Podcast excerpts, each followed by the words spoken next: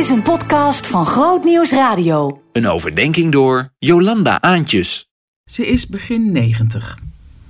En ik sprak haar een tijdje geleden. Ze vertelde me flarden van haar levensverhaal. De spanning als kind in de oorlogstijd. Geboorte van kinderen in koude winters met weinig spullen om warmte te bieden. Het sterven van haar man, die nog volop in het leven stond. En ze vertelt: Ik heb in die tijd vaak s'nachts gezegd, nou ook wel geroepen: Heer, help me toch. Het leven was in die tijd moeilijk. Hoe toch verder dan?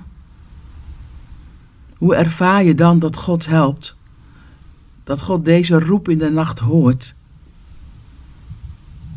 Ze vertelt met haar 90 jaren levenservaring verder.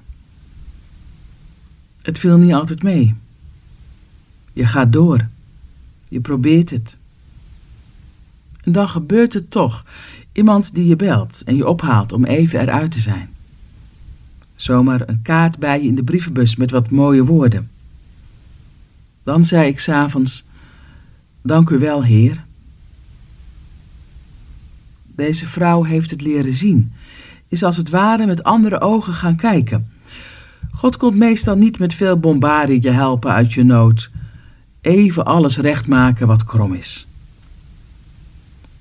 Gods weg is die van erbij zijn in je weg van vragen, van zorgen. Jezus zelf kwam naar de aarde. God zelf kwam hierin naar ons, mensen, naar jou, om als mens mens te zijn, om ook dat lijden te ondergaan, de eenzaamheid in de nacht te ervaren. Dat is de weg die God ging en jou nog steeds aanbiedt. Hij bij jou, om met jou je weg te gaan. Het is nu aan ons om dat ook te gaan zien. Dat je ogen ervoor open gaan.